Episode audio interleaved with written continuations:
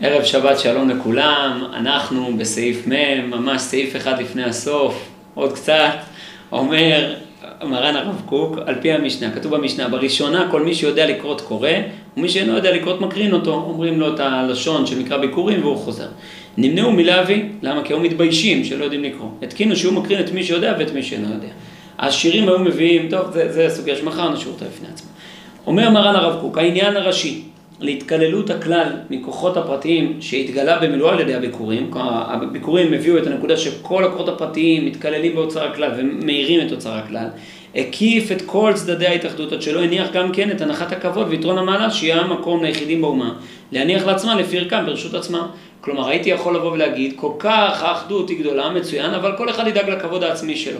לא, כיוון שאנחנו מתכללים את כולם, אנחנו גם יודעים לתת לכל אחד את הכבוד שלו.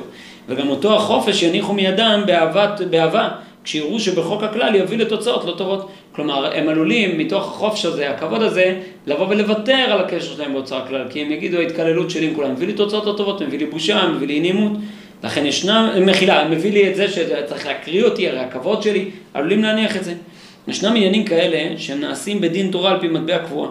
והנה כיוון שהמטבע נקבע כבר, שולל מיחידים התגלות לבבם על פרקם והשקפתם הפרטית. כלומר בדיני מצוות, שם זה לא מעניין אותי כמו שדיברנו בשני הסעיפים האחרונים. זה לא מעניין אותי כל המקומות שאתה יכול להתעופף עליהם במחשבתך.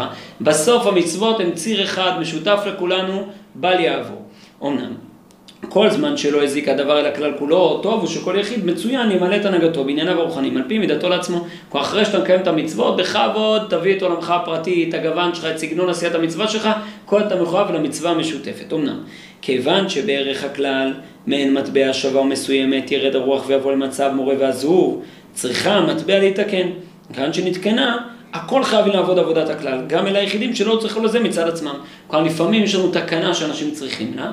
למה? בגלל איזה צורך פרטי שלהם, כמו אנשים שלא יודעים לקרוא, אנחנו נאלצים להקריא להם, נאלצים לעזור להם, כיוון שזו התקנה מעכשיו, התקנה היא תקנה כזאת שהיא מסייעת לאנשים במצב מאוד מאוד ספציפי וייחודי, כיוון שאנחנו כלל, כולם נרתמים אל אוצר כלל, כולם שייכים אל אופן קיום המצווה דווקא בדרך הזאת, אף על פי שתבוא ותגיד, זו תקנה, תעשה אותה רק להם. לא, כיוון שאנחנו חלק מאומה, זו האופן שמעכשיו המצווה המעשית הזאת יוצאת אל הפועל. למשל, התפילה, לפי המצוינים בעלי רגש ודעה יותר היה לבבם קרוב להתמלא ורגשי קודש והם מתפללים כמו קודם, כמו קודם תקנת הניסוח. כל אחד כפי רוח בינתו ורגשי לבבו. שאלה שהרבה פעמים נשאלת, למה צריך נוסח אחיד? לכאורה, אני, תן לי את ההשתפכות הנפש שלי, תן לי לבטא את הרצונות שלי, את המאוויים שלי, וככה נתפל הכי בכוונה. כשאני אומר נוסח אחיד אני נופל. אמנם, אומר מרן הרב קוק, ואם תעלה אה, מחילה, אמנם, למען הכלל שבלעדי התפילה קבועה היה יסוד התפילה נעזב לגמרי, והוא צריך הדבר לבוא לידי תיקון מטבע כוללת, עכשיו שנתקלה חלילה ליחיד לפרוש בין הציבור, האומה מתפללת כך, האומה מביעה כך, זה אופן הטבע הלאומי שלנו, ואם אתה לא עושה את זה אתה מתנתק מהאומה, זה נכון שאתה באופן רגשי היית עושה אחרת, אבל בעולם המעשים אנחנו קודם כל עם האומה. ואם תעלה על לבבו מחשבה שצמצום המטבע עושק ממנו הרחבת הרגשת לבוא על פי רוחו, עלינו להזכיר כי עבודתנו לצורך הכלל היא כוללת גם כן, כמו כל התנדבות, גם את שאר רוחנו. כלומר, ההירתמות שלנו לאומה, זה עצמו מייצר לי שאר רוח, זה עצמו מגדל את הרוחניות שלי בנפש. דווקא זה שאני מכיר שאני חלק מהאומה. לפעמים אנחנו חושבים דווקא ההתנתקות שלי מהאומה תגדיל את הרוח, לא, ההצטרפות האומה היא מגדילת רוח, להיות חלק מהאומה זה גדלות הרוח האמיתית של האדם. אה, אף על פי שהיא הגדולה שבנדבות לאיש אשר רוח בו. ויפה, ויפה נתגלה לימוד זה כאן בביקורים, שכל זמן שלא בא הדבר למידה זו שמי שאינו יודע לקרות יימנע מהבאה בשביל שרוצה, שירצה לדמות עצמו ליודע, היה נכון חילוק המידות. בוודאי קורת רוח היא לבעל לב, רגש, לב רגש מחילה, שקורא בעצמו ומוציא אל הפועל רגשותיו הסוערים באהבת השם והוא זו בדיבור פה בכבוד, זה דבר נפלא. אם כל אחד יביע, אז אנחנו נתחשב במי שרוצה להביע את הרגשות, בתנאי שאותו שאינו יודע לקרוא, הוא בא ואומר, אני מוכן לכפוף את עצמי אל הקראת הכהן ואני לא נבוך מזה וזה לא מונע. אמנם, ברגע, כיוון שנמנעו מלהביא, כבר יש צורך בעניין מרכזי. כלומר, כבר צריך איזו הנהגה כוללת שכולם ינהגו בדרך מסוימת כדי שהמצווה המעשית לא תיבטל, כי העיקר זה הפעולה המעשית, עבודת השם של האומה, האומה מביאה ביקורים. אף על פי שמצמצם את הרעיון ברגש קצת אצל היודע. נכון שהיודע עכשיו טיפה רעיונו מצטמצם. הנה תגדל שמחתו השכלית ביודעו שבמשהו מחסר התגלות לבוא ברגש, הוא עובד את עבודת הכלל על ידי שגם בעלי המעלה הנמוכה יביאו ויבואו ויביאו ביקוריהם. אני באופן רגשי נכון שאני פחות, אבל בזכות זה אני עכשיו בשכל מתבונן, בזכות זה כולם מתפללים. בזכות זה כל עם ישראל עכשיו אומר תפילה, בזכות זה כל עם ישראל בא ומביא ביקורים. דווקא בזכות הקיבוץ הרגשי שלי, כמו שדיברנו אה, אה, שלשום, לפני שלשום, על, על הגאון והבעל שם טוב, שעסק בעצם הגאון בהדגשת המצווה המשתפת את כל האומה, שכל האומה חייבת במצוות, לעומת רגשות הלב שהבעל שם טוב הגדיל אותם. מעין הדבר הזה, מי שרוצה יכול להסתכל פה בפרק ז', יש לנו את העיסוק הזה, אולי, אולי נמצא את זה ככה עבור כולם, למי שירצה לעיין לרגע אחד.